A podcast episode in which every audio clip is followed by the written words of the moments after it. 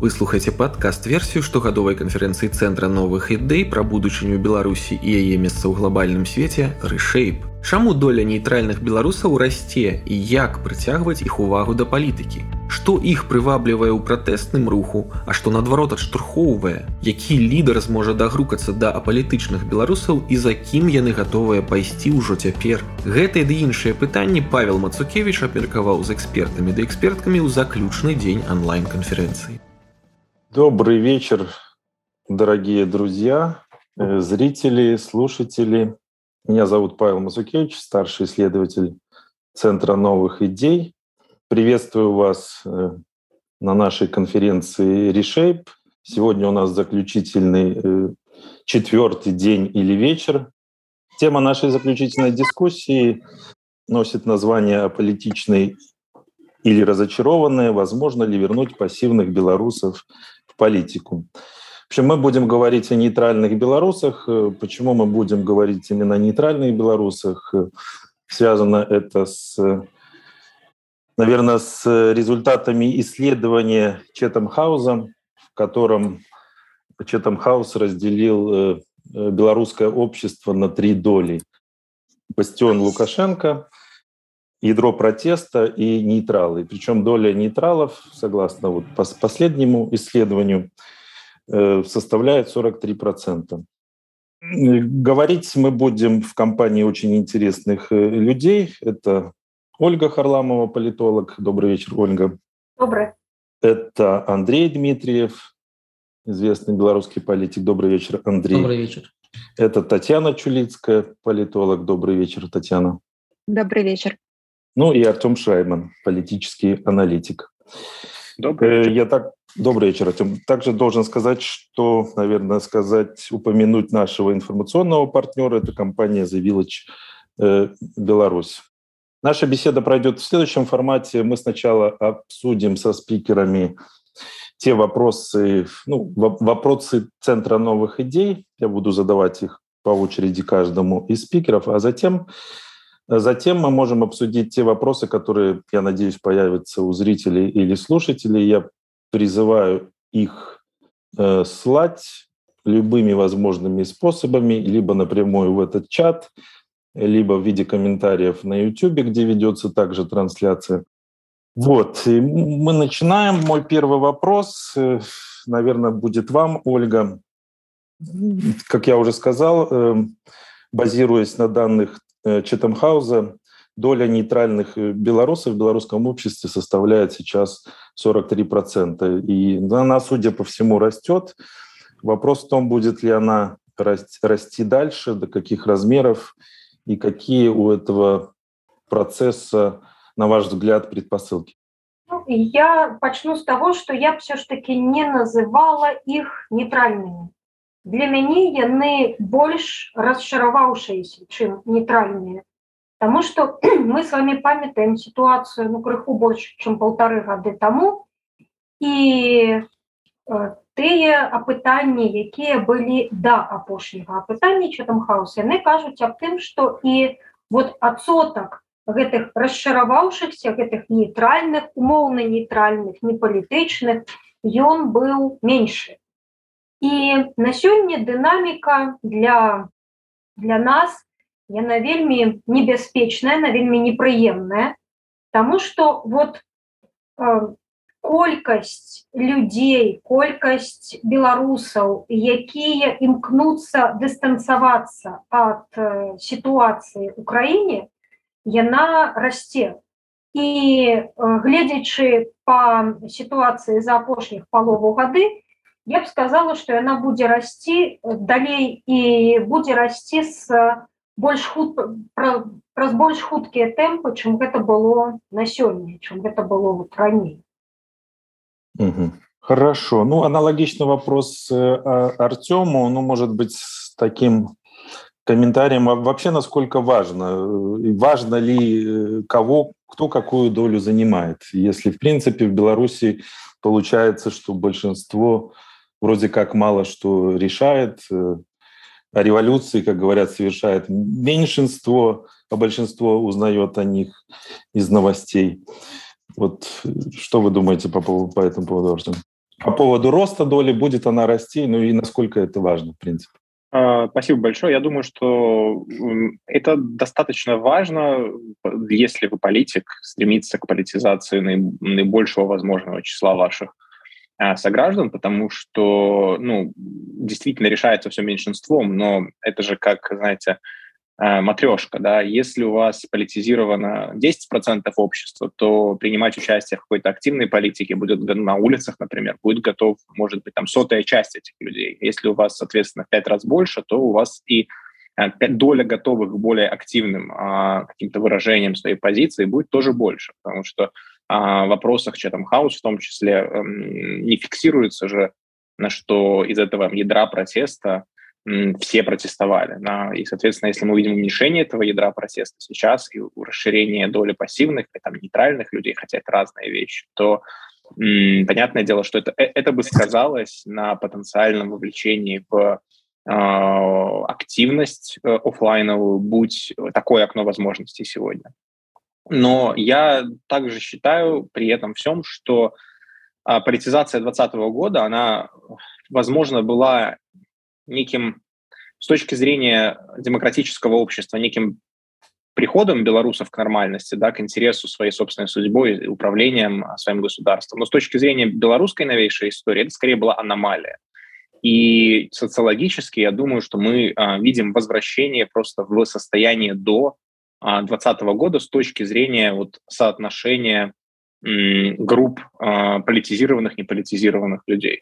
А этот процесс, я думаю, еще очень далек от своего завершения, потому что травма 2020 года для, обе, для обеих сторон, на самом деле, краев белорусского общества, она очень серьезная. Она, я сомневаюсь, что она зарубцуется в принципе, но с точки зрения такого подключения людей к политике, подключения к политическому контенту и так далее, э, есть еще очень, я думаю, большой путь, куда падать, и, и, и, и в этом смысле тренд может развернуться даже раньше, до того, как мы вернемся к пол, полностью к до, к состоянию до 2020 года, где, где, наверное, по сегодняшним метрикам вот опросов Chatham House больше 40% попали бы в категорию нейтралов, потому что а, дистанцирование от политики все-таки политического такого, не знаю, политических оценок, мне кажется, было еще больше.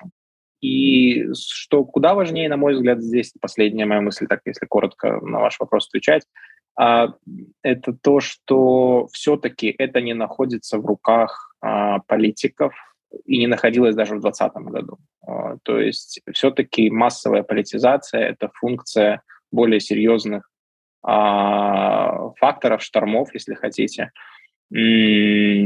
Она, она скорее дает некий, некий толчок к тому, чтобы появлялись те самые политики, которые находили те самые слова, которые находили ту самую повестку. А, и, и эта повестка ложилась на жаждущие этого массовые уши. А, но, соответственно, когда это окно возможностей закрывается, заставить людей а, вернуться в отсутствующее политическое поле, это, это довольно, мне кажется, затея такая безнадежная. Я прошу прощения за этот скепсис. Я думаю, мы еще поговорим об этом. А по-вашему, Татьяна, какие предпосылки к тому, что вот количество условных нейтралов, и, ну, туда входят и люди разочаровавшиеся, и аполитич, аполитичные, но в Беларуси растет? И каковы его возможные пределы вот этого роста? Мы вернемся ситуацию действительно до 2020 года, о чем говорил Артем? Э, добрый вечер. Еще раз большое спасибо за приглашение. Я рада быть на этой панели э, с очень интересными панелистами. А, что я, наверное, хотела бы отметить, такое замечание ко всем следующим моим репликам. А, это такое методологическое замечание, которое связано с тем, что, да, у нас есть сейчас количественные исследования, то есть мы все апеллируем к Чатам Хаусу, который является практически единственным доступным нам всем э, исследованием. Э, есть другие исследования, которые закрыты, которые там не все получают, э, но мне кажется, для того, чтобы вот мы все лучше с исследовательских позиций понимали, что происходит в обществе, э, нам нужно их намного больше, и нам очень не хватает э, и качественных интервью, и дополнительных э, количественных опросов и так далее. То есть мое такое важное замечание о том, что э, у нас э, все-таки не очень много сейчас информации, то есть вот это, это важно. Второй момент, э, я никоим образом не хочу влазить в споры насчет того, как проводится кластеризация, сегментация. Я просто хочу отметить, что любая, любая сегментация, любая кластеризация – это такой конструкт. Да, это то, о чем мы соглашаемся, и то, что мы принимаем. Поэтому, конечно, мы можем выделять эту категорию нейтралы, и уже действительно, вот как звучало у моих собеседников, мы можем назвать их деполитизированными, да, мы можем назвать их еще каким-то образом. А, и ну, я просто к тому, что эту категорию можно попытаться сконструировать и назвать а, по-другому. Да? И вопрос в том, а что мы, собственно, вкладываем в эту категорию. И вот что мы вкладываем, это очень интересно, потому что здесь, конечно, мы не можем отрицать, и это очевидно, что в белорусском обществе а, есть серьезный разлом, который связан именно с тем, как люди относятся к политике в принципе и к политикам вообще. То есть, э, как уже говорилось, что мы видим, что люди или часть людей, они политизировались в 2020 году, сейчас они вот деполитизируются. Для меня самой э, вопрос э, о том, могут ли они вернуться и в количественном, а самое главное в качественном отношении к тому, какими они были до 2020 года. И на сегодняшний день я бы позволила себе гипотезу, что, скорее всего, вернуться вот в то состояние социального контракта, которое было до 2020 года, э, невозможно. И пока что мы не наблюдаем, на самом деле, и по опросам, и по всем исследованиям возвращения вот к этому состоянию. Э, людей э, есть недовольство, то есть люди могут активно не действовать, и, знаете, найти в Беларуси сейчас активно действующих людей сложно. Э, тем не менее, говорить, что, э, например, люди приняли то, что действующая власть, она как бы единственно возможная и то, чего они хотят, э, спорный вопрос. Мы не видели ни по одним вопросам, ни по одним исследованиям, чтобы, например, становилось там существенно больше сторонников Лукашенко. Да, мы видим больше сторонников вот этих условных нейтралов или тех, кто уходит в такую серую зону, да, которая не определившаяся. То есть это тоже такой достаточно проблемный момент, ну, по моему мнению. Что точно вот происходит, это то, что люди действительно стали меньше э, интересоваться по разным причинам тем, что происходит. И здесь есть как такие субъективные причины, когда люди просто устают, они не хотят слышать о политике, но есть и объективные причины. Мы здесь будем говорить, и мы знаем о состоянии медийного поля, э, о состоянии э, средств массовой информации, о том, что и для самих журналистов сложно производить оригинальный такой контент, который основан в Беларуси на реальных событиях, так и для э, читателей, слушателей и зрителей сложно потреблять контент из-за того, что ты просто не можешь его потреблять. А, поэтому, наверное, вот э, если говорить по критерию отношения к действующим власти, я бы говорила, что по-прежнему есть вот такие большие эти бурбалки, да, большие вот эти пузыри, которые, которые сохраняются. Говорить о том, что возрастает доля тех, которые э, возвращаются в такое состояние незаинтересованных, незаинтересованности в политике, да, мы тоже можем об этом говорить. Но вопрос э, к тому, вернемся ли мы к состоянию, которое было до 2020 года, э, качественно и количественно, для меня остается открытым. Спасибо, Татьяна. Ну, Андрей, тот же вопрос, в общем-то, вам. Вы э, много ездите по стране, наверное, видите в лицо э, тех людей, о ком мы, собственно говоря, сегодня говорим, и о политичных, и разочаровавшихся, и нейтральных. Вот что, что вы думаете об, о причинах, почему этих людей становится больше? Ну, на ваш взгляд, основные. Понятно, что они в основном лежат на поверхности, но да, общем, то, да. что видите поэтому вы.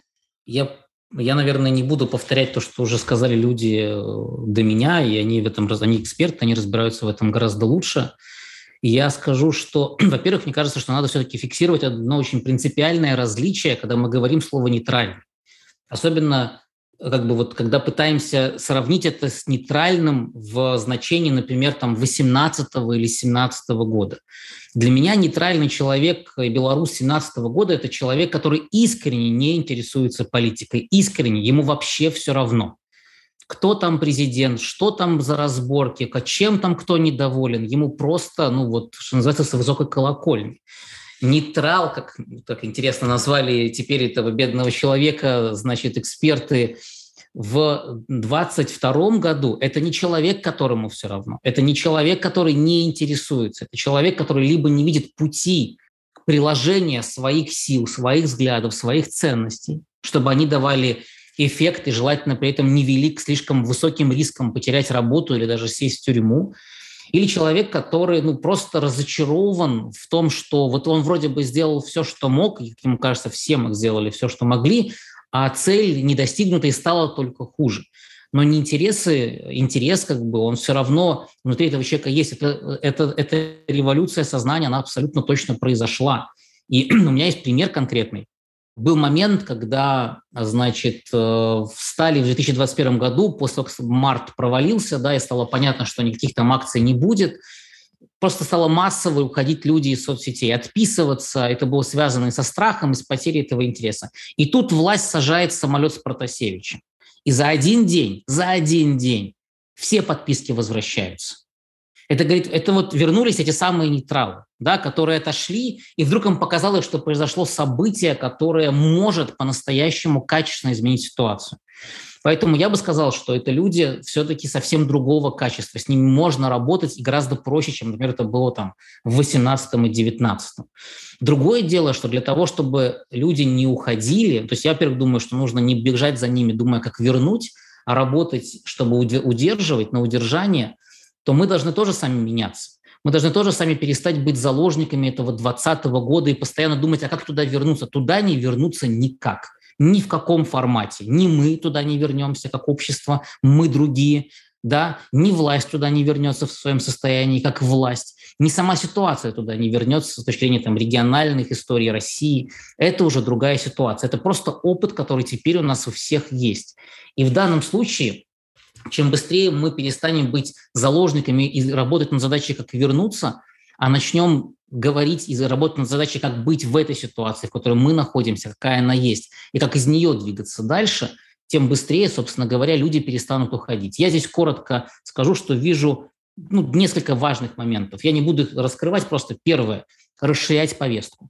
Не может быть два года повестка политзаключенные, а, значит, переговоры и, собственно говоря, все. Потому что людям очевидно интересно и хочется знать обо всем и остальном.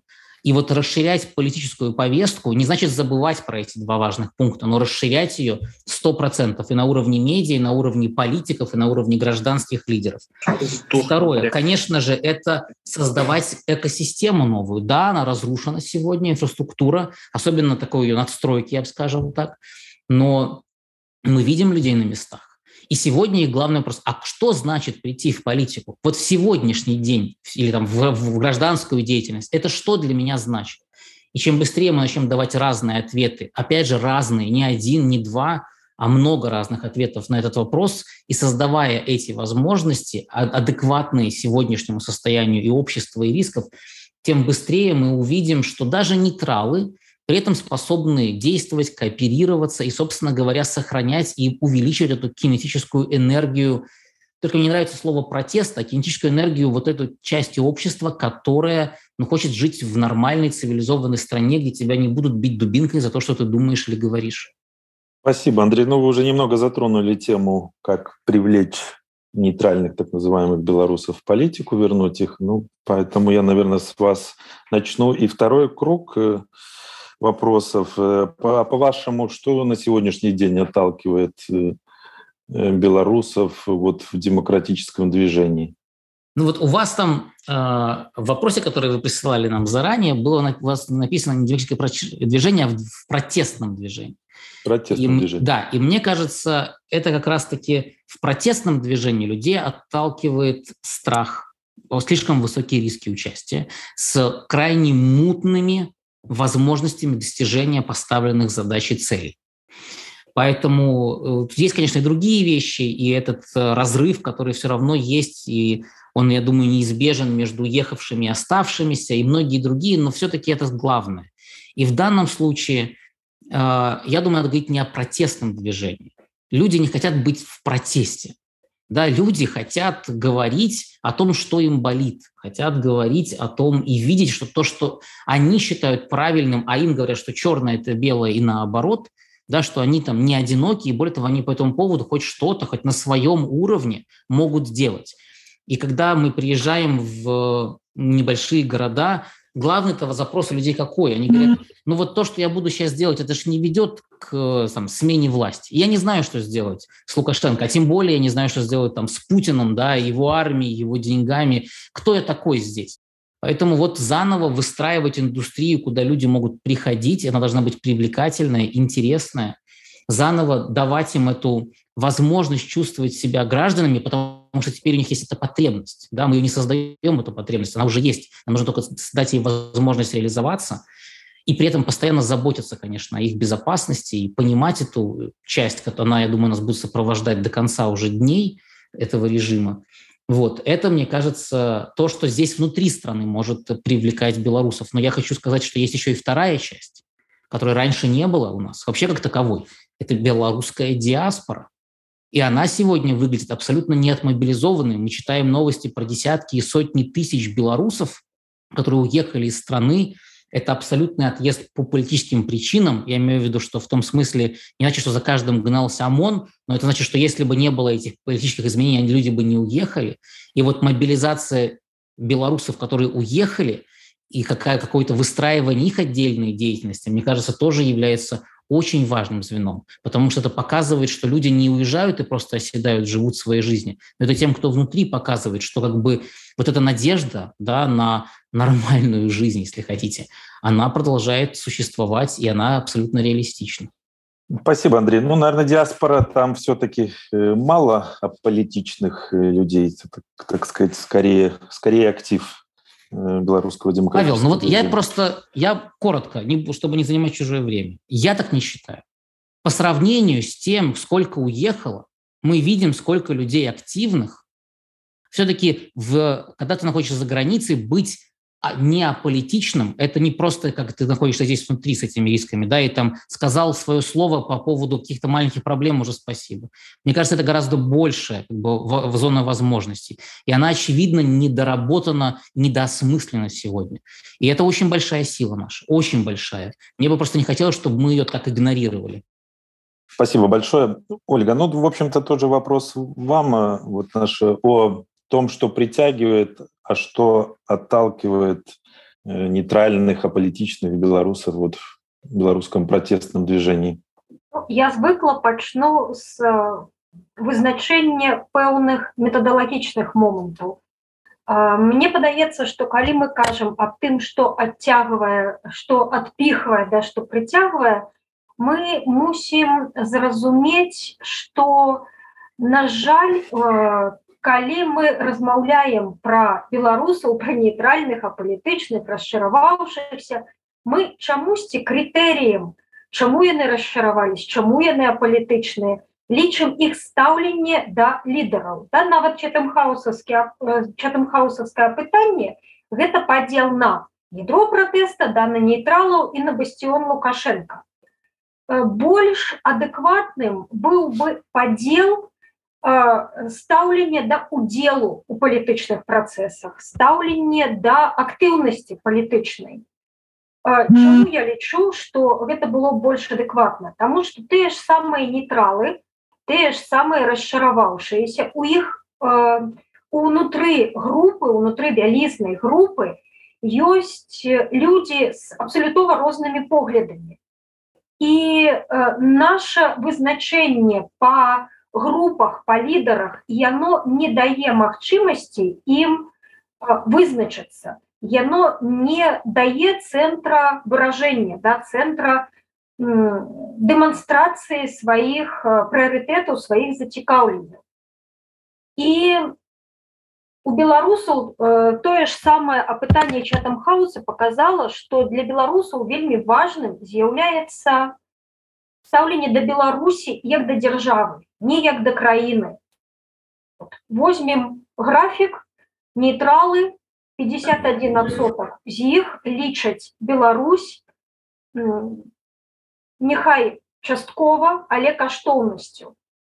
На сёння мы бачым вельмі адмысловую рыторыку з якой спрабуюць звяртацца вось да гэтых нейтралаў і адзін і другі вызначыўшыся бок. Гэта рыторыка варожасці. Гэта рыторыка таго, што нам не патрэбна гэта Беларусь. Да? нам патрэбна новая Беларусь, а нейтралам патрэбна не новая Беларусь. Нейтралам патрэбна няхай не самае лепшае, няхай з хібамі, але тая Беларусь, якая ёсць. Для беларусаў мы тут сёння дыскутавалі наконт што з'яўляецца каштоўнасцю для беларусаў не права правілы да пэўная сістэма і большасць беларусаў успрымаюць дзяржаву як набор набор правілаў як пэўную сістэму да якой яны ставяцца вот сапраўды як да каштоўнасці і спроба знішчыць іх стаўленне да таго што ёсць не прапануючы нічога новага не прапануючы іншых правілаў якія маглі перацягнуць вось гэтых расшараваўшыхся не вызначыўшыхся не эм, назваўшы для сябе палітыкаў за якімі яны гатовыя пайсці. То есть не палітык а правіла. Не палітык не лідар а э, удзел і жаданне штосьці мяняць рабіць увогуле быць актыўным Спасибо, Ольга. Ну, Артем, теперь к вам, в общем-то, та же тема. Вы ее отчасти затрагивали о привлечении внимания к политике. Как? Каким способом? Ну, про лидеров мы еще поговорим, э, поговорим отдельно. Но вот с учетом того, что, о чем говорили коллеги, с учетом того, что, в принципе, отталкивает или притягивает э, и притягивает э, нейтральных белорусов в демократическом протестном движении, как, как их вовлекать в политику? Можно ли? Или имеет ли это смысл, опять же, с учетом белорусской, белорусской ситуации, когда действительно любая политическая активность, э, деятельная, результативная, она чревата я не изобрету сейчас безопасных форм политического участия, в которые можно было бы вовлекать белорусов, находящихся в Беларуси. Я согласен с Андреем насчет того, что диаспора недостаточно мобилизована, будучи сам частью этого большого пула людей. Я это тоже свидетельствую.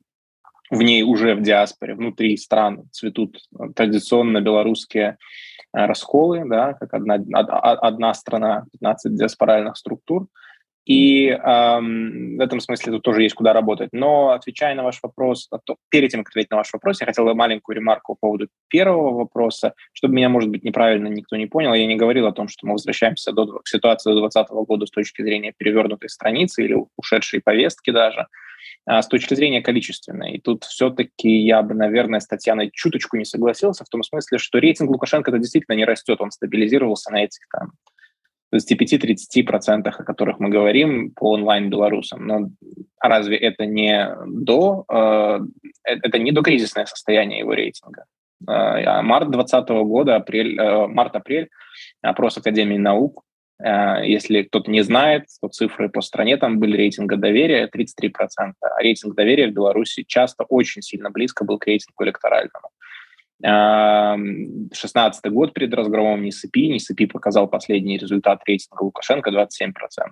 16 год. Ну, то есть сказать, что то, что э, Лукашенко сегодня находится на тех же позициях, что и 2, и 5 лет назад, и это является признаком того, что мы не вернемся в состояние количественного распределения этих очень условных групп, а, конечно же, э, я, я, бы, я бы не спешил. Вот. А возвращаясь к к вашему вопросу, я думаю, что в протестном движении привлекает. Ну, сложно найти эти признаки, потому что по определению тех, кого что-то привлекает в протестном движении, они чаще всего записываются в ядро протеста, да, если они ценностно с протестом, с его лидерами, с его а, призывами, лозунгами, а, ценностями.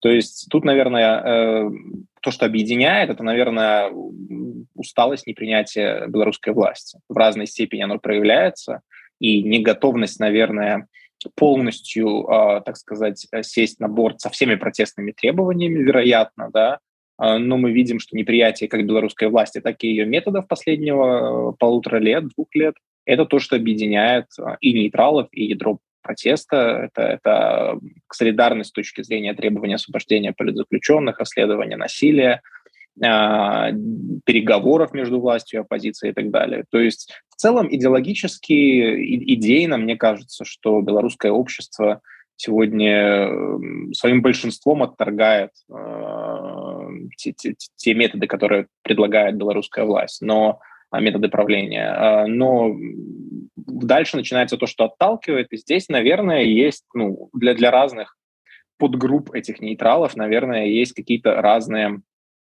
причины. Кроме страха, который, очевидно, влияет, и мы это видим по росту этой группы, э, и по даже последнему вопросе, по-моему, было еще и замер отдельно именно фактора страха и влияния его на цифры, и он показал довольно существенный там 8-9 процентных пунктов отклонения только из-за фактора страха, рассказывал Григор Остапеня.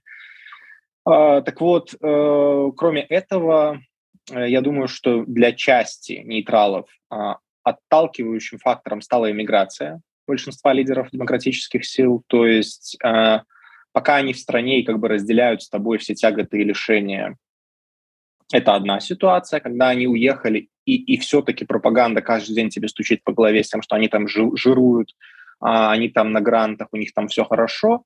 Я думаю, что участие нейтралов это пробивается да, сквозь, сквозь неприятие Лукашенко, и это демотивирует людей с точки зрения поддержки там, той же Светланы Тихановской и, и всех выехавших лидеров оппозиции, хоть они и вынуждены выехали, я думаю, все осозна- понимают здраво причины, но тем не менее эмпатия, вот эта эмпатическая связь, мне кажется, нарушается между м- частью нейтралов и этими людьми. Думаю, что для кого-то имело значение и переключение лидеров протеста на, снова-таки, абсолютно вынужденные, запрограммированные части, переключение на более прозападную риторику. А, мы знаем, что число пророссийских белорусов по разным критериям оно выше, чем число сторонников Лукашенко что за Тихановскую голосовало множество людей, для которых Крым часть России и так далее. Тоже все можно посмотреть из баз данных того же Читанхауса. А за Тихановскую голосовали люди, которые считали Путина хорошим президентом и доверяли ему. И часть из них разочаровалась в России, я уверен, за это время и в российском руководстве, но часть нет. И эта часть, которая продолжает жить в российском информационном пространстве, я думаю, ей все сложнее находить причины поддерживать все более прозападных а, лидеров белорусского протеста. Я не говорю о том, что у них был какой-то выбор в этой связи. Они и так стараются, насколько это возможно, инклюзивно подходить к там, России, к тому, что она может стать посредником и так далее. Но а, против географии тут не попрешь. А, и поэтому вот такие, я думаю, есть какие-то препятствия. Ну и плюс, да, и плюс сама повестка поляризации. Я думаю, что учитывая, насколько поляризованное сегодня края белорусского общества, и это тоже фиксирует все опросы. Вот Четам Хаус, недавно был опрос, который публиковала компания «Водно», и презентовал, по-моему, Филипп Беканов. Так вот, там фиксируется еще более такое выпуклое неприятие краями белорусского общества друг другу. Соответственно, этот язык, язык вражды, язык ненависти, язык неприятия, он доминирует в публичном дискурсе. Я думаю, что для значительной части белорусов, а, может быть, даже для большинства белорусов, э, он неприемлем. И вот эта повестка вражды, повестка, даже несмотря на то, что это абсолютно оправданная и понятная вражда, все равно эмоционально два года находиться в состоянии холодной гражданской войны, это не мой термин, по-моему, Бобрович первый сказал Вячеслав, хотя не уверен, но э, вот в этом, вот в этом состоянии находиться ментально не, некомфортно, и поскольку лидеры протеста тоже находятся в антагонистической такой, э, антагонистическом русле часто, да, поскольку, наверное, большая часть их месседжев — это про то, какая плохая власть, какая она враг белорусского народа и как нужно ее наказывать международным давлением. Я думаю, что для, для значительной части белорусов эта повестка ну, психологически, морально некомфортная, даже если, там, поразмыслив, они бы пришли к выводу, что, наверное, иначе, иначе никак нельзя. А, и в эту, в эту же там, стезю укладываются секторальные санкции, призывы к жестким санкциям. Можно сколько угодно рассуждать об их эффективности. Мы с вами, Павел, наверное, можем часов 10 спорить только о том, работают они или нет. Но мы видим просто фактически данные о том, что большинство белорусов не хотят секторальных санкций. Точка. А, это, это опрос не только House, это еще даже и народный опрос показывает, который а, проводится внутри протестной аудитории. Даже там за широкие экономические санкции подписываются около трети белорусов, чуть даже меньше. Трети голосовавших на этом, простите, народном опросе. То есть, а, фокусируясь на этой повестке, вы априори выталкиваете за круг своей аудитории тех, кто ее не разделяет. Спасибо, Артем. Ну, Татьяна, у меня к вам, в общем-то, тот же вопрос. Э, э, вы уже тоже начали рассуждать на тему, как привлечь внимание белорусов к политике. Мы предлагаю вам развить свои, может быть, тезисы или отреагировать на то, что сказали коллеги. Да, спасибо. Я отреагирую. Я, конечно, я понимаю, Артем, о чем вы говорили, и поэтому и хорошо, что у нас нет расхождений. То есть я и говорила о том, что скорее э, количественно может, могут быть показатели, но качественно будет э, по-другому, да, социальный контракт выстраиваться. Э, я позволю себе не согласиться сейчас ну, в какой-то степени с тем, что говорил и Артем, и Андрей про состояние диаспоры. Она, возможно, недостаточно мобилизованная, но если вот позволю себе такое включенное наблюдение в диаспору на протяжении многих лет, я хотела бы сказать, что на самом деле происходившее и происходящее в диаспоре процессы, по крайней мере, вот по Литве я могу точно говорить, они очень схожи с тем, что происходило и происходит э, с белорусским обществом, за исключением, наверное, репрессий, хотя и репрессии касаются диаспору, то есть если не касается непосредственно самих людей, то касается их там родных и близких, то и для диаспоры тоже фактор страха никуда не делся. Но в диаспоре мы точно так же видели, что старые диаспоры, то есть те люди, которые были до 2020 года, они мобилизовывались, э, мобилизовывались очень активно, и потом со временем, вот сейчас тоже наблюдаем в диаспоре вот этот, вот, по крайней мере, в диаспоре до 2020 года, вот этот уход э, людей, возвращение их вот к их условной нормальной жизни, которая была до 2020 года. То есть диаспора тоже не такая, ну, в общем, простая ситуация. Я думаю, что тут можно еще ну, там, большой разговор было бы провести, и нужно на самом деле, потому что э, пока что тоже мы мало знаем, мы, мы, внутри наблюдаем многие из нас, но э, тут было бы интересно более так э, подробно посмотреть, и что происходит с той частью старой диаспоры и новой диаспоры, это тоже такие э, интересные моменты. Про санкции я согласна, это можно еще один, э, еще один раунд на еще пару конференций, и даже если посмотреть на данные народные опросы, там еще хорошо посмотреть на их интерпретации, там тоже все не, ну, как бы не так однозначно. Э, хотя если читать прямо, то да, Артем, я с вами полностью согласна. Но я вернусь, э, собственно, к вопросу, а что отворачивает. Э, и здесь, помимо того, всего того, что уже было сказано, я бы говорила еще, наверное, про то, что у людей опять же, таком на уровне социальной и политической психологии, конечно, есть не просто и не только усталость, но есть еще и такое, знаете, не просто разочарование, но вот это вот ощущение отсутствия быстрых э, и видимых побед, да, то есть все хотели быстро, да, быстро не получилось, сейчас это все очень затянулось, а, и тут еще такая, наверное, тоже отсутствие Э, ну, знаете, когда вот мы бегаем, да, отсутствие такой практики бега, да, то есть когда людям казалось, что вот-вот там пару раз, пару раз, да, и муры рухнут. Вот как бы муры не рухнули, э, как бы их, их надо долбить постоянно, и к этому очень многие люди просто оказались, э, ну, не готовы, извините за такие метафорические выражения, но они хорошо отражают суть, то есть то, что люди просто хотели выйти в часть X, или даже многие до сих пор говорят, что мы хотим выйти, да, вот, вот один раз и до победы. А, но, к сожалению, так э, не происходит, и вся тоже теория, практика социальной и политической мобилизации нам об этом говорит. А, также я бы, наверное, говорила про то, что люди закономерно абсолютно, опять же, вернулись э, к актуальным для себя проблемам, социально-экономическим проблемам, и мы тоже наблюдаем вот это изменение по опросам и по исследованиям. Если в 2020 году это, это был абсолютный парадокс для Беларуси, гражданско-политические проблемы вышли, наверное, чуть ли не впервые там, за историю социологического наблюдений в Беларуси на, наверх, то есть они оказались важнее, чем социально-экономические. Сейчас закон, достаточно закономерно социально-экономические проблемы, они опять набирают популярность, и когда людей беспокоят их социально-экономические проблемы, их нужно решать каждый день, их нужно решать в другой жизни, которая часто э, она существует параллельно с тем политическим разломами, которые есть, и из-за того, что люди просто уходят в эту другую ежедневную, каждодневную повестку, они, соответственно, а, меньше интересуются тем, что происходит э, в такой политической среде. А, также я думаю, что еще важный фактор – это то, что произошло определенное разрушение социальных связей а, это частично уехавшие люди, и люди, которые, которых посадили политические заключенные, и люди, которые были активными и исчезли. То есть вот эта мобилизация, опять же, которая произошла в 2020 году на низовом уровне, когда появились э, лидеры мнений, когда появились вот эти вот горизонтальные низовые активности, дворы и так, вот эти все инициативы очень хорошие, которые были внизу, э, все равно в них были там определенные лидеры. Вот если, если и когда их э, они перестают быть активными, или, их, э, или они перестают быть в Беларуси, или их, их посадили, тогда вот эти социальные связи рушатся, и тоже э, такое желание дальше участвовать, по крайней мере, на низовом уровне у людей э, пропадает. Ну и, конечно, участие людей работает пропаганда, я с этим э, полностью согласна. И пропаганда есть вот такое свое ощущение, что да, я, я вот здесь, э, они вот там, все сидят за границей, я здесь остаюсь. Это не только про лидеров, это еще и про соотечественников, про своих э,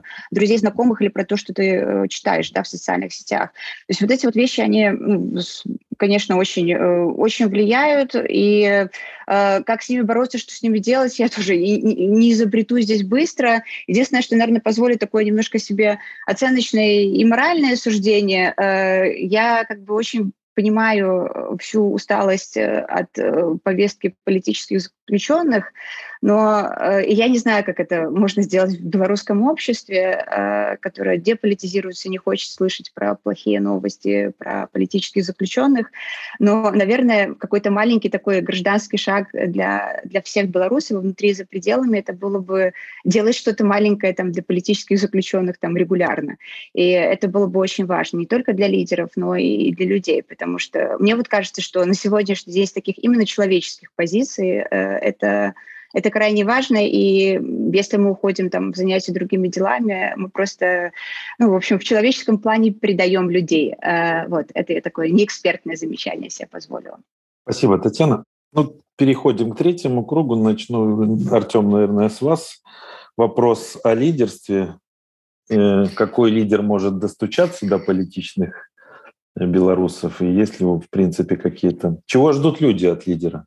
Чего им не хватает в тех лидерах, которые есть? Вы говорили о том, что ну, недостаток э, и он очевиден, наверное, в том, что лидеры находятся сейчас либо в тюрьмах, либо за рубежом. Что-то еще добавить к этому можете?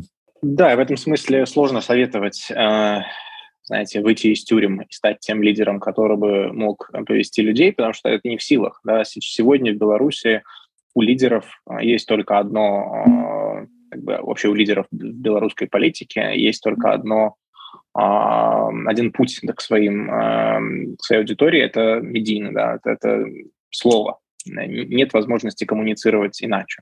И, соответственно, если человек этим занимается внутри страны, то он прекращает быть, скорее всего, на свободе. И слава богу, что у нас есть редкие исключения из этого, хотя, хотя бы хотя бы редкие, но есть. Это вот Андрей Дмитриев и другие политики, которые еще а, в Беларуси и не, что называется, подняли лапки с точки зрения пассивности.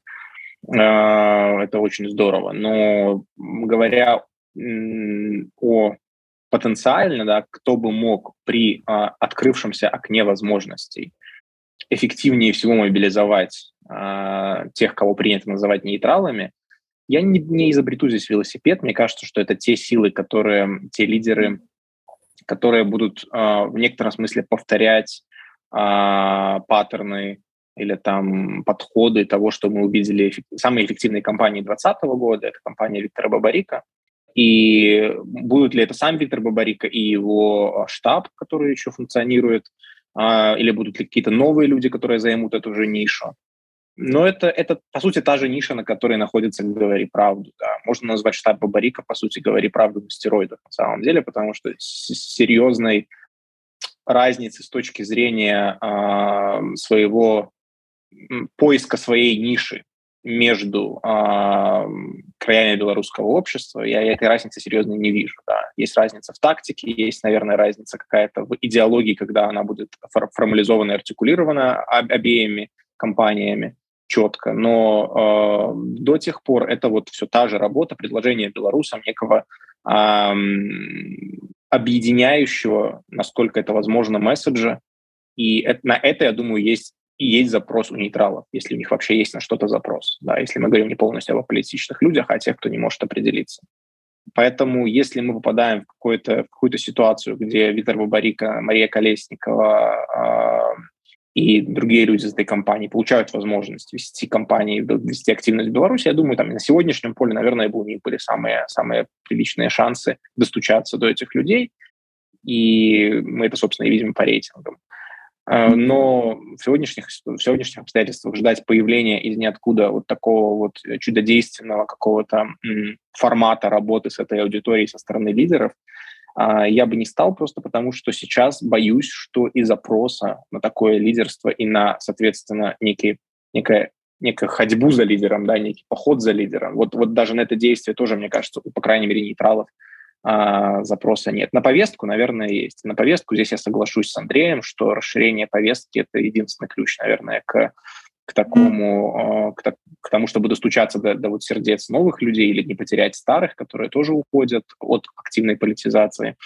И я бы, наверное, там, если набросками такими говорить о потенциальных темах повестки, то это, конечно же, там экономика, шире, широко говоря, с точки зрения, в первую очередь, несправедливости того, что происходит в Беларуси экономически, роста неравенства и так далее. Это абсолютно не занятая практически никем тема коррупции, которую, мне кажется, довольно эффективно пытался хотя бы в таком популистском ключе, но использовать Сергей Тихановский, но после него как-то кроме журналистов на ней мало кто играет всерьез. А, и, наверное, тема независимости, которая очень актуализировалась сейчас в связи с учениями, в связи с угрозой войны. Независимости как гаранта а, спокойствия, потому что Лукашенко продавал стабильность и мир над головой сколько лет, сколько десятилетий. Мне кажется, если со стабильностью и, в первую очередь, с экономическим, с процветанием уже закончено было много лет назад, то теперь лидеры оппозиции многое теряют, если они не забирают у него из-под ног и последнюю идеологическую опору, а именно мир, которую он сам своими же действиями ставит под угрозу. Поэтому здесь как бы тематически есть где работать для расширения аудитории. Персонально как бы вот это, вот это большущий вопрос. Как, как, как это реализовать какому-то человеку, э, который бы захотел э, к нейтралам выйти напрямую. Спасибо, Артем. Таня, а по-вашему, какие ожидания от лидеров у э, аполитичных людей в Беларуси? Нет ли запроса, скажем так, на бесстрашного лидера? Потому что, ну, насколько я понимаю, нейтрализация или политичность многих белорусов происходит из чувства страха. И, возможно, если появится человек, который продемонстрирует в определенной степени бесстрашие, понимая все риски, то люди за ним потянутся. Или за ней, да? Или за э, ней, я. Тут, я тут просто сразу думаю про Марию Колесникову. Хочу сказать, что вот, вот и был, собственно, человек такой, ну и есть человек, я имею в виду, пока она была э, на свободе. Вот вполне себе герои. На самом деле герои э, в моем представлении не меньше, даже больше, чем Навальный, который возвращался в Россию в окружении журналистов. Э, то есть такого рода герои, но это чисто спекуляция, у меня тут нет никаких данных. Э, я не, конечно, герои всегда, как это, за героями всегда пойдет какая-то часть людей, которые склонны пойти, когда, их, когда у них появляется яркий лидер.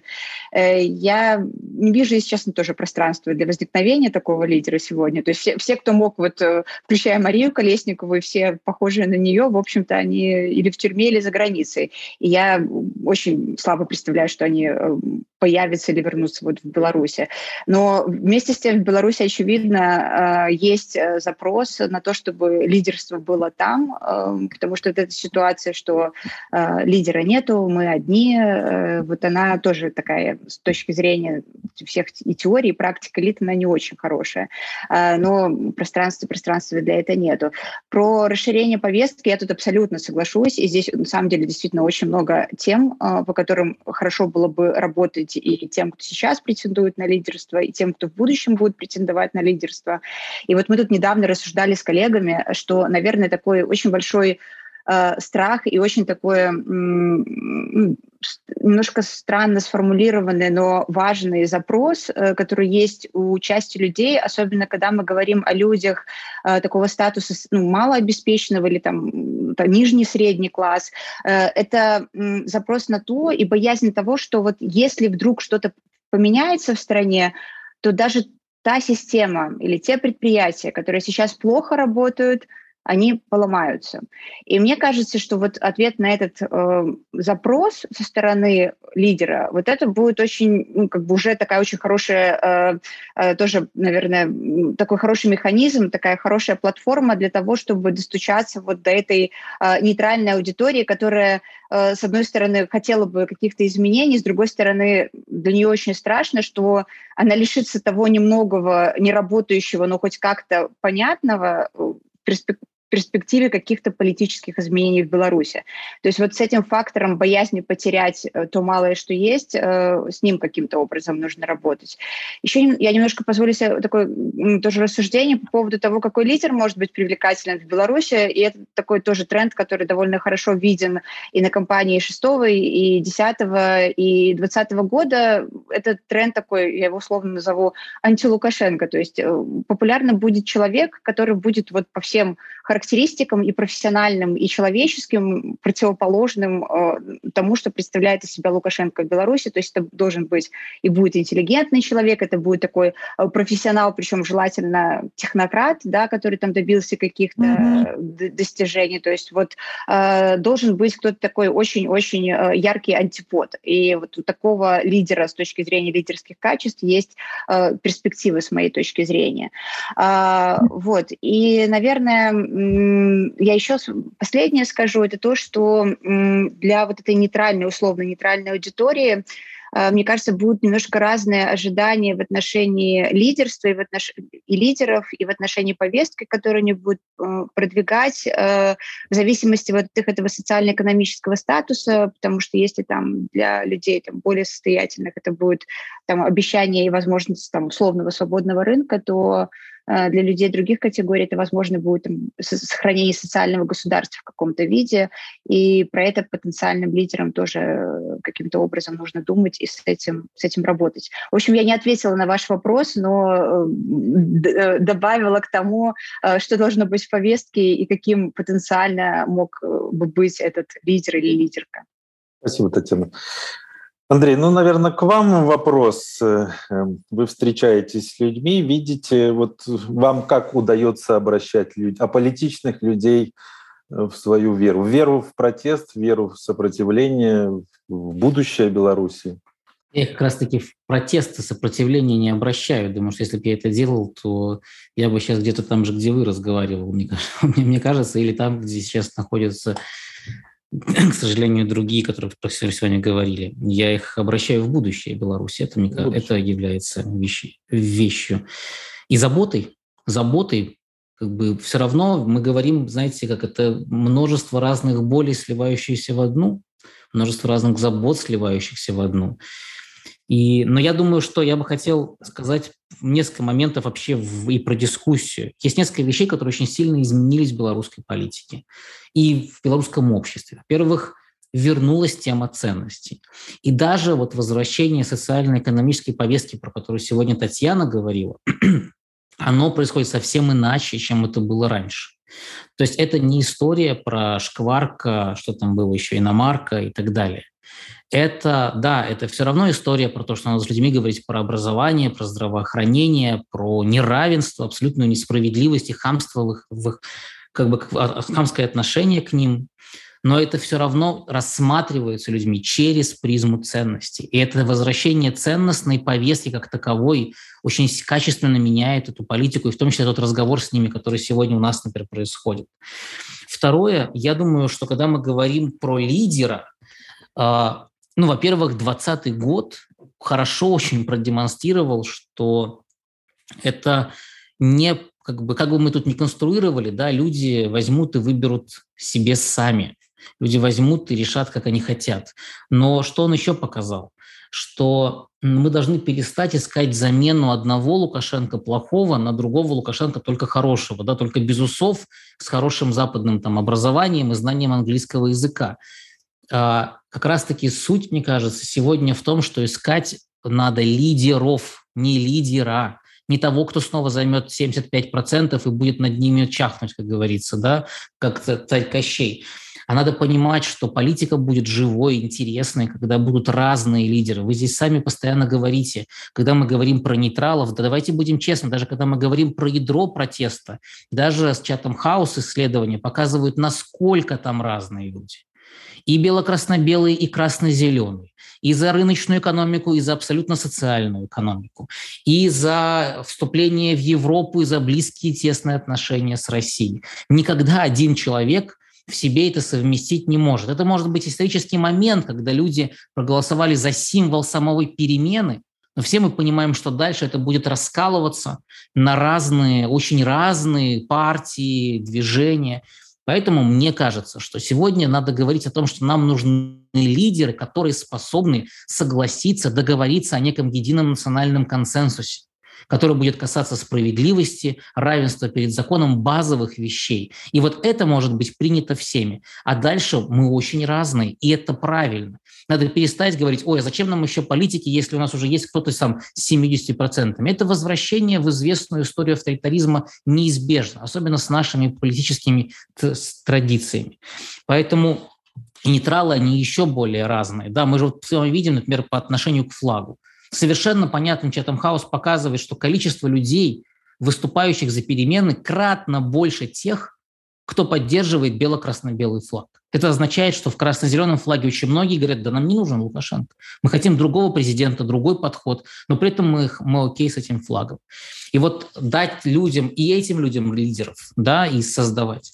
И второй, мне, я думаю, что сегодня как раз-таки задача наша создавать условия, чтобы эти лидеры у себя на местах, они ну, как бы появлялись. Мы говорим там, мы не знаем, откуда появится национальный лидер, а это не наша задача это знать. Это, это Господь Бог и сложение обстоятельств. Но то, что мы можем делать, да, делай посильно. Мы можем сегодня помогать лидерам на местах, давайте помогать. Мы можем сегодня поддерживать людей, которые способны говорить о будущем, о развитии, о реформах, давайте их поддерживать.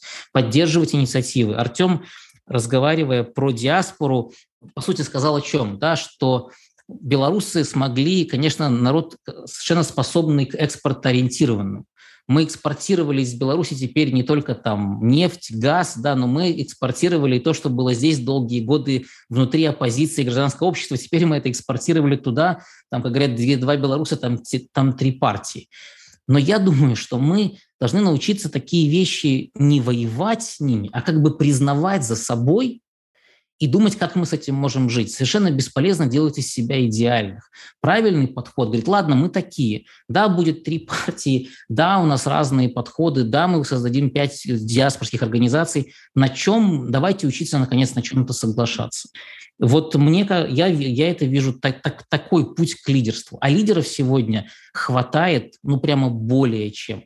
Вот. И последнее хочу закончить. Вы знаете, 2015 год, президентские выборы показал, что люди готовы голосовать за женщину. Да, тогда люди голосовали за Татьяну Короткевич, и было понятно, что им все равно, мужчина, женщина. 2020 год показал, что люди готовы голосовать еще и за, за идею, за большую идею перемен. Я уверен, что сейчас наступает время программ. Люди хотят понять, а как оно будет. И это будет только наращиваться на самом деле. То есть лидер – это будет не только человек, который яркий и интересный, это уже было, этот опыт уже есть у белорусов.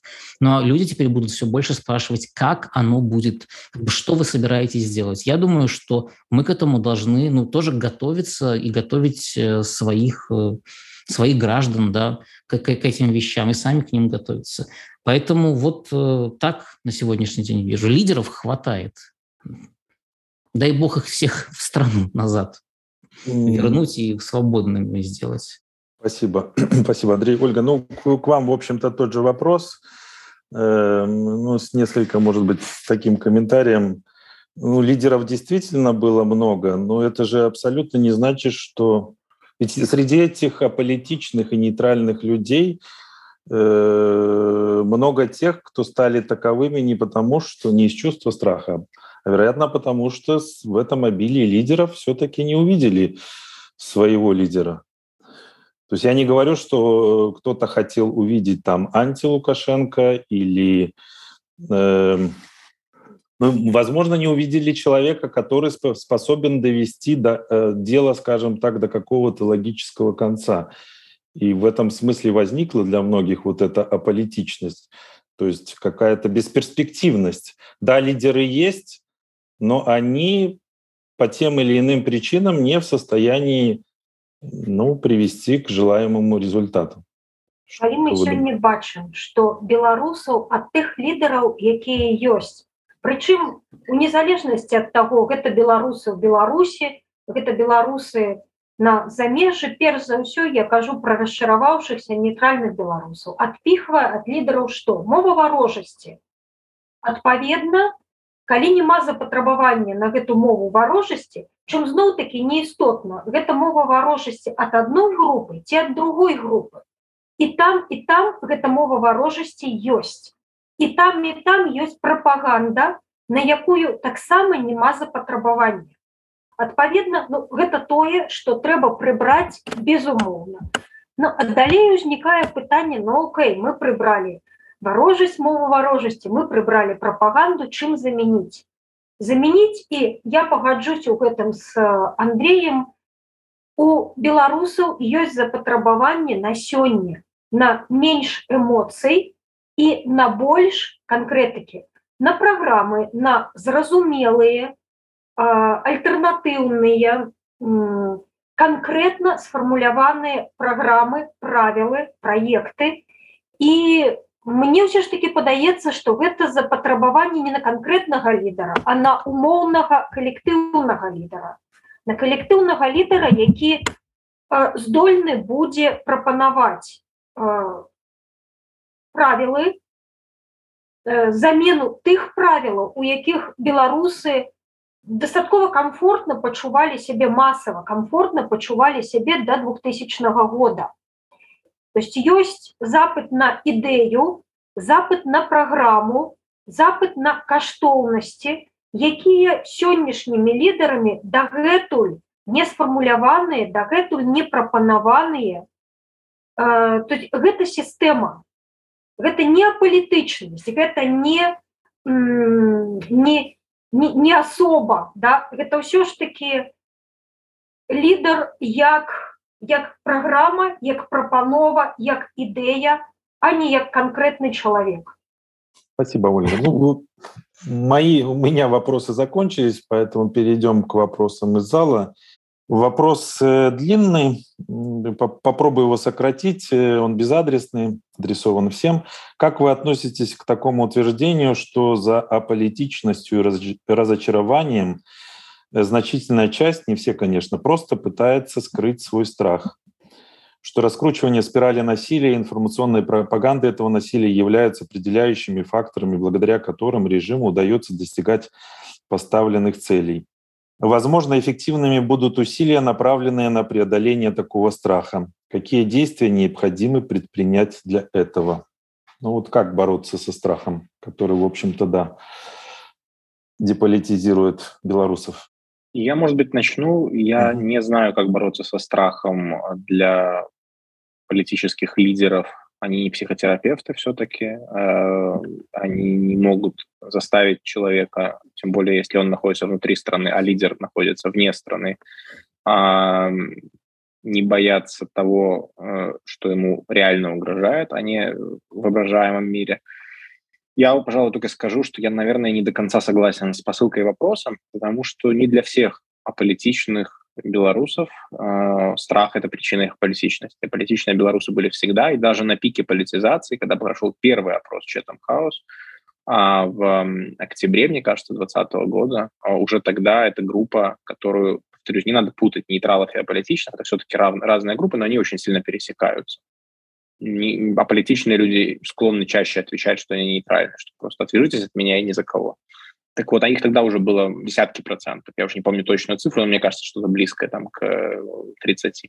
Да, и поэтому эм, считать, что лишь только страх это описывает, это какое-то оправдание, тем более, я бы так точно не говорил, потому что э, очень сложно вообще говорить про оправдание в ситуации, когда ну, это, это, это, это реально, да, это, это не, не что-то, что зачем, зачем, что людям надо выдумывать для того, чтобы э, найти повод не участвовать в политике. Э, и поэтому не думаю, что это, вот здесь такое уж смешение да, этих понятий.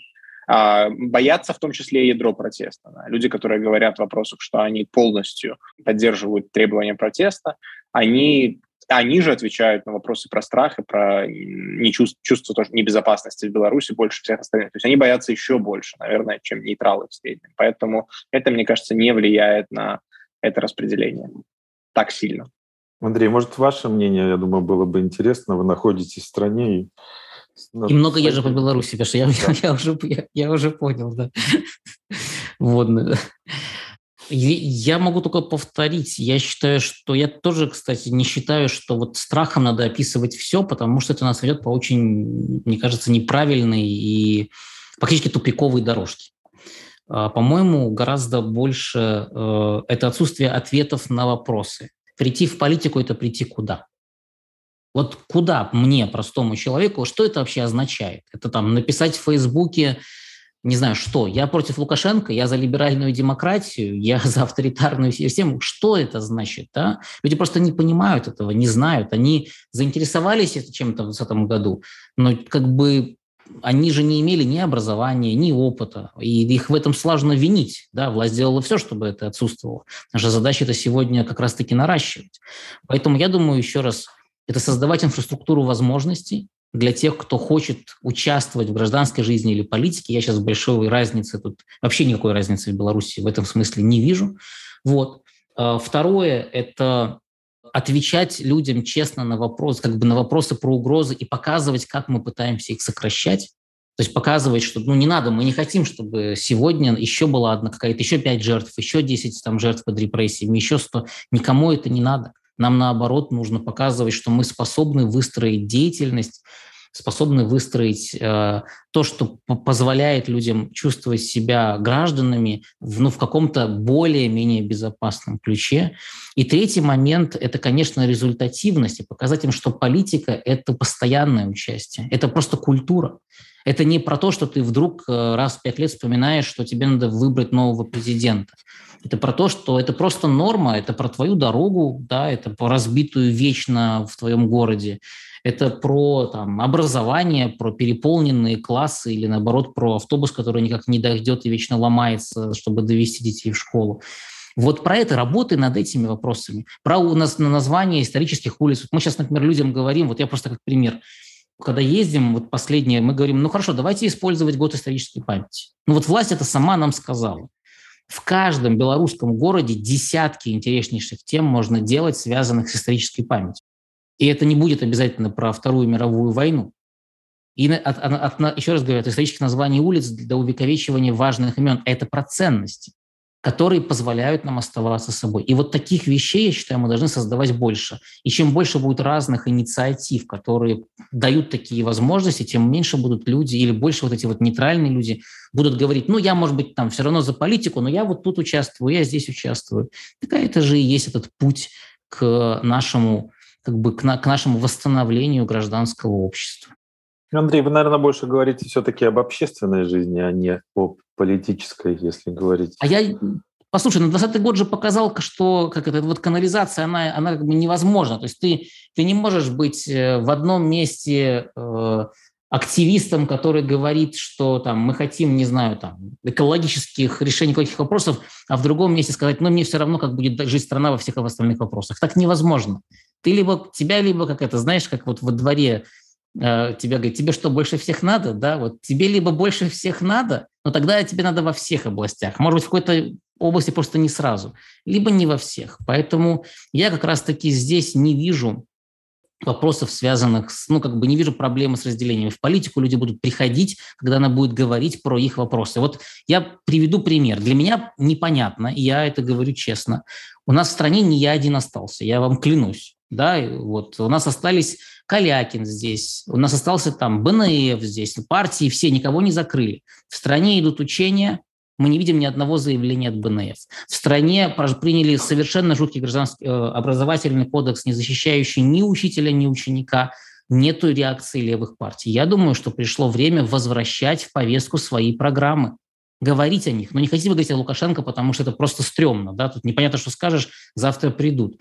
Но я уверен, что как бы из-за, граждан, из-за образовательного кодекса как бы так быстро не придут. А тема может быть в разы более восприимчива для людей, у которых детям поступать через год.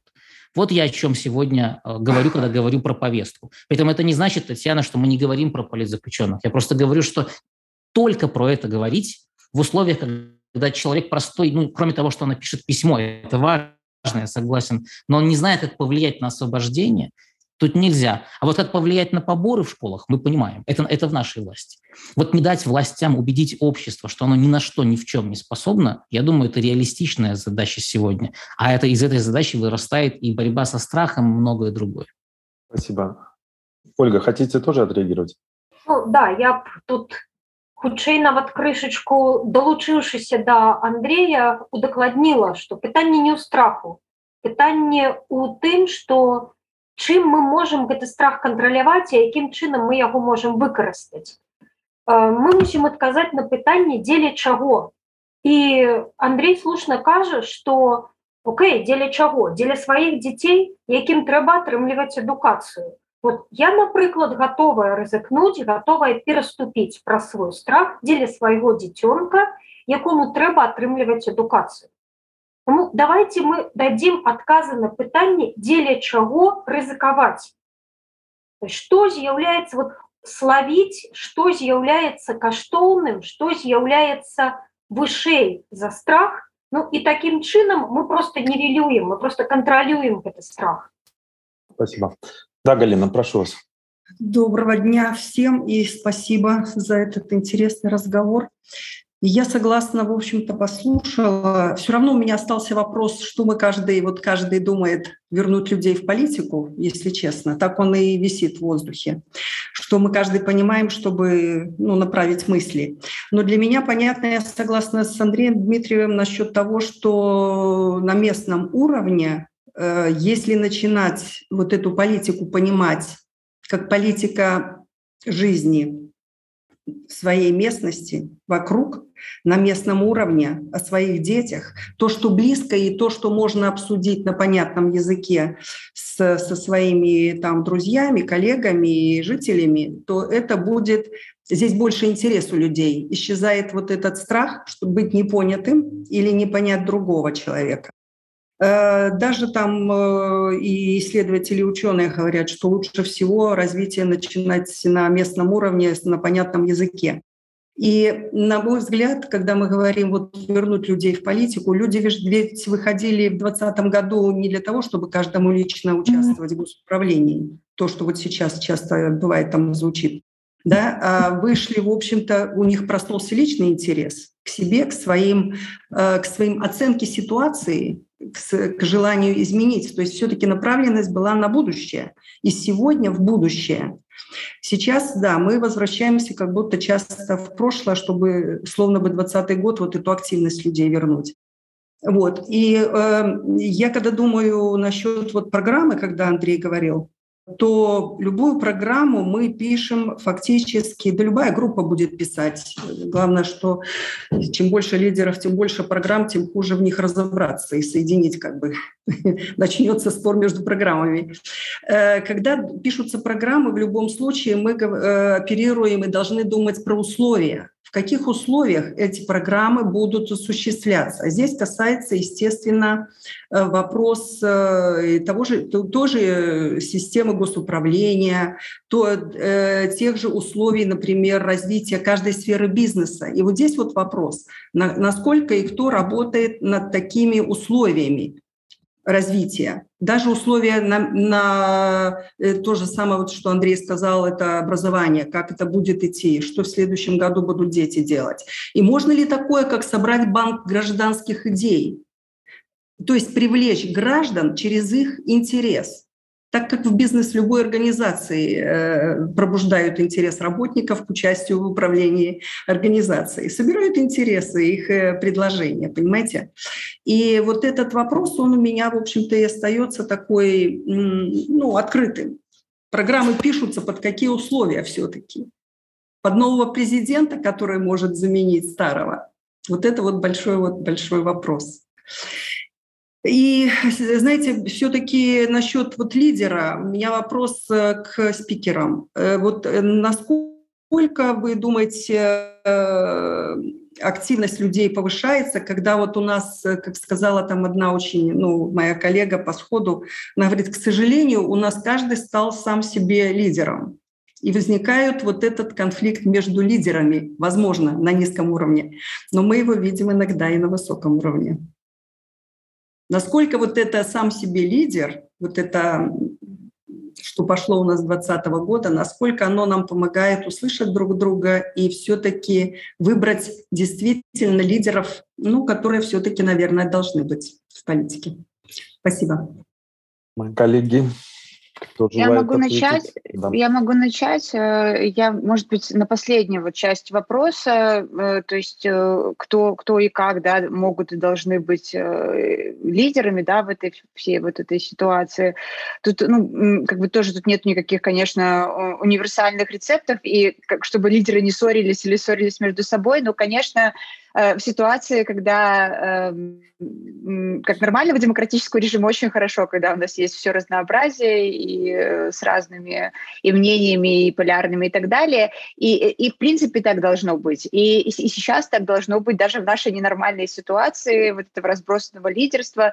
То есть у людей могут быть разные представления программы, но это вопрос скорее такой нормальной политической дискуссии, нормальной политической в том числе и лидерской культуры. Э, то есть насколько в этой всей ситуации стоит заниматься борьбой с друг другом, а не, не борьбой за то, чтобы в Беларуси что-то поменялось. Э, то есть нельзя никаким образом отрицать э, или каким-то образом культивировать и говорить, что все должны говорить одно и то же одинаково, но важно, чтобы в каких-то больших глобальных вопросах люди Э, могли сказать, да, я сохраняю там свою повестку, да, я сохраняю свою позицию, но вот здесь я готова идти в коалиции, или я готова идти в коалиции, и, возможно, вот это было бы решением как на низовом уровне, так и ну, на более высоком уровне. Э, что касается вот у вас этот висящий вопрос про людей в политику э, вернуть, я тут соглашусь вот с тем, что и Андрей, и Ольга говорили. Вернуть людей в политику – это сохранить людей, в принципе, в какой-то сфере вот этих гражданских интересов. И тут я полностью согласна с тем, что в Беларуси сказать, что вот эта деятельность гражданская, это политическая, и раньше было сложно, а сейчас еще более сложно. И, наверное, если люди проявляют хотя бы гражданский активизм, это уже, э, в общем, практически э, как это верхний уровень возможной политики, политики на, на сегодняшний день. И тут тоже такие всякие интересные моменты, если уже думать про то, что с нами происходило и, и, и происходит. Как раз, смотрите, если мы посмотрим, вот этот период последней либерализации в Беларуси, вот, который там 14-15 и дальше года, это же как, раз был период развития и расцвета такого и гражданского общества, и очень множество таких всяких инициатив, э, в которых как раз люди учились, да, учились мобилизовываться, учились взаимодействовать друг с другом, учились гражданской такой деятельности в хорошем смысле слова. И что случилось в 2020 году? В 2020 году организации гражданского общества или инициативы, такие, которые вот классическое гражданское общество, которые говорили, что мы вне политики, э, они, они не участвовали ни в чем, но все, ну или все, я не буду говорить, что все, но очень многие активисты, очень многие, кто были в этих организациях на индивидуальном уровне, участвовали во всех событиях, причем как от самых низовых, так и до самых высоких. Поэтому здесь, э, конечно, вот эта любая гражданская деятельность, там самая минимальная, э, я повторюсь, даже вплоть до чтения новостей, она э, поможет тому, что в какой-то момент, если открывается окно возможностей, люди смогут мобилизоваться, потому что просто у них есть какая какая-то практика к этому. Коллеги, кто-то хочет что-нибудь, может быть, добавить? Галина, вообще, мне кажется, что банков идей, что делать с Белоруссию там, за последние ну, лет 15 уже как это больше, чем партий. Ты, ты знаешь, и сайтов, где вот все расписано, и начиная от МВФ, я уже только не знаю, там и новому президенту, и старому, который не дает новому, и новому, который придет после старого. В общем, для всех идей больше, чем сил их озвучить. А, поэтому, поэтому, по-моему, достаточно. Пиши, не хочу, что называется. И это есть, это не проблема. А, вот мне кажется, один момент, про который Татьяна начала говорить, важно сказать, что ведь что показал 2020 год? Что, когда, что не только власть оказалась не готова к массовому участию граждан в политике, но и структуры оказались не готовы. Оказалось, нас просто не хватает, недостаточно сил, всяких разных сил. Да? Ведь инфраструктура – это сложная история. Инфраструктура партийная, инфраструктура гражданская, которая может принять всех этих людей, да, найти им дело, дать им образование. Это, это, это...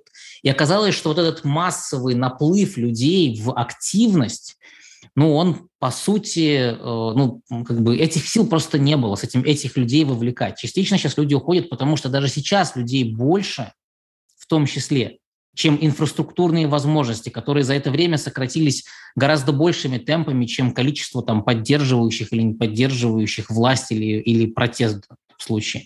Людей все равно сегодня больше, которые хотели бы что-то делать, я уверен, чем инфраструктурных возможностей для них. Да? Почему я постоянно и постоянно возвращаюсь к теме гражданской инфраструктуры, с которой нужно работать. Вот, поэтому и ну, не хотелось бы, чтобы мы попали снова в подобную, в подобную ситуацию.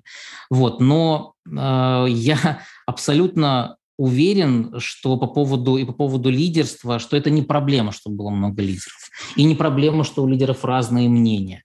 Проблема, что мы никак это не можем в себе принять, что мы mm-hmm. постоянно пытаемся сказать, что вот в нас что-то не так, если у нас не один лидер, да, что это вот мы там, если у нас не генсек, то все уже в чем-то уже как бы какая-то проблема. Значит, те, кто, все, кто не генсек, все предатели, это абсолютно советская традиция, да.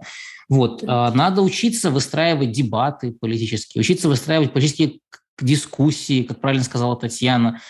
Разные позиции по разным вопросам не делают нас врагами разные позиции по вопросу санкций, например, как в такого чувствительной сегодня темы, не делают сразу кого-то там за Лукашенко, кого-то против. Вот учиться понимать, что с разными позициями люди при этом остаются, еще раз говорю, в каком-то кон- консенсусном смысле, национальном консенсусе одинаковыми, да, что они все являются этим, этим движением за как бы Беларусь, да, или к Беларуси, в которой человек, люди будут людьми зваться, это важно. И просто ну, принять это. То же самое, например, как э, вот мы не говорили сейчас, но про этот разрыв между теми, кто остался, уехал, он неизбежен, он будет расти. И будет, как бы, мы, будем, мы уже его видим, все, кто здесь остались. Не, но вопрос в том, чтобы перестать друга обвинять в этом. Перестать как бы говорить о том, что это вот вы виноваты, вы не понимаете, и нет, это вы не видите.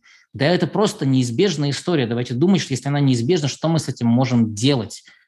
Да, не бороться с ним, а как мы можем это использовать? Почему я сегодня поднял тему диаспоры? Вот, мне кажется, это более правильный путь принятия себя, наконец. Белорусы достойны, чтобы их приняли такими, как они есть, где бы они ни находились. Спасибо, Андрей. Ольга, вы что-то хотели тоже добавить, видел?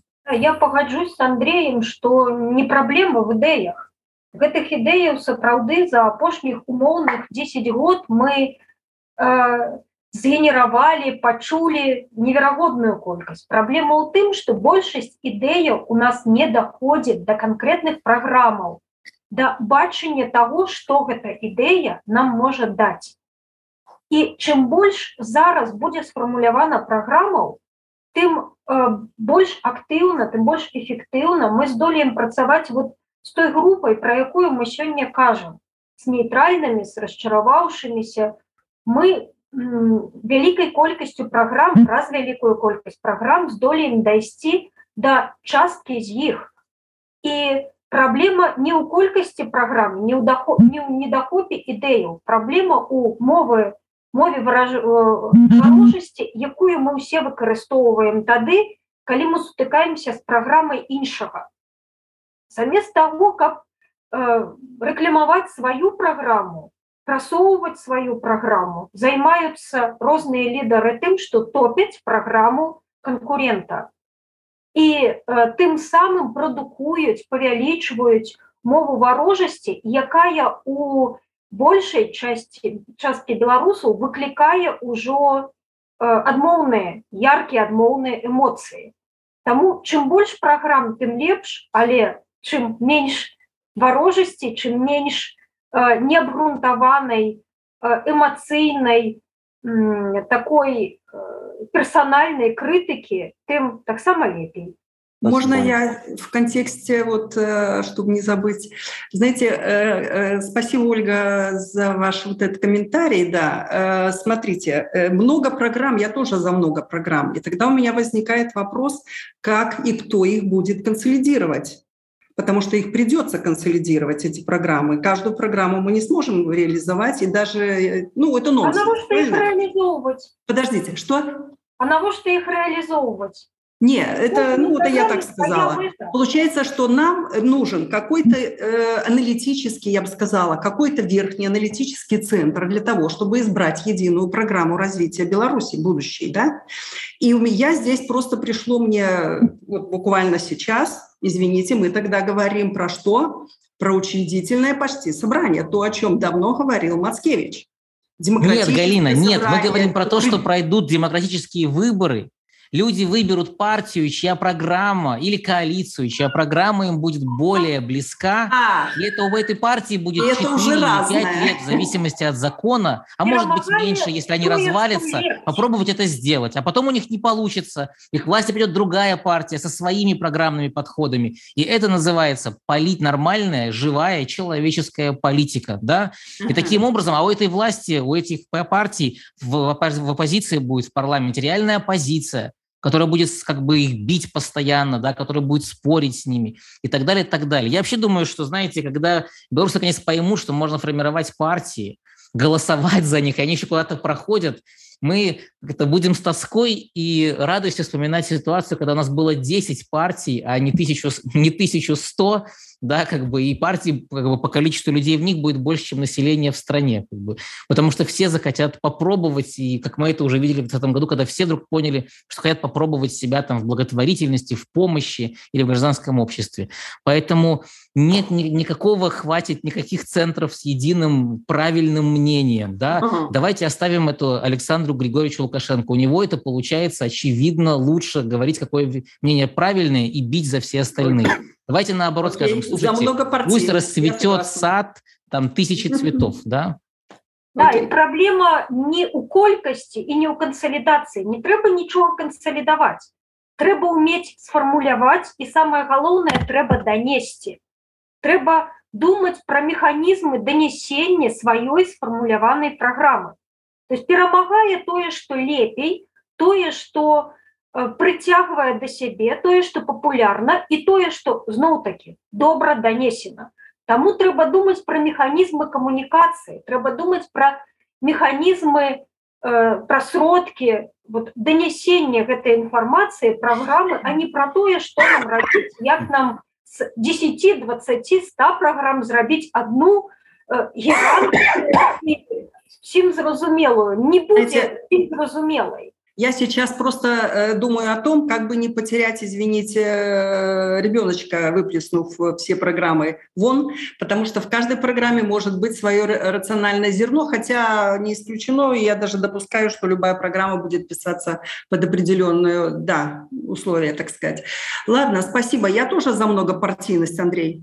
Я за много противников. Галя, я в тебе не сомневался, спасибо. И за разность мнений, да. Главное, чтобы уметь договориться. Сколько мы будем учиться этому, я не мы знаю. Мы будем учиться бесконечно. Это Спасибо. жизненный Спасибо. процесс. Спасибо, Галина, за ваши вопросы. Так, больше вопросов, насколько я вижу, у аудитории, по крайней мере, нет. Поэтому разрешите на этой ноте завершить нашу дискуссию. Огромное спасибо спикерам за интересные мнение, за участие. Спасибо зрителям, спасибо всем, спасибо кто большое. был с нами на протяжении этих четырех дней. Оставайтесь центром новых идей. Думаю, будет интересно. Всем успехов и всего наилучшего. До свидания.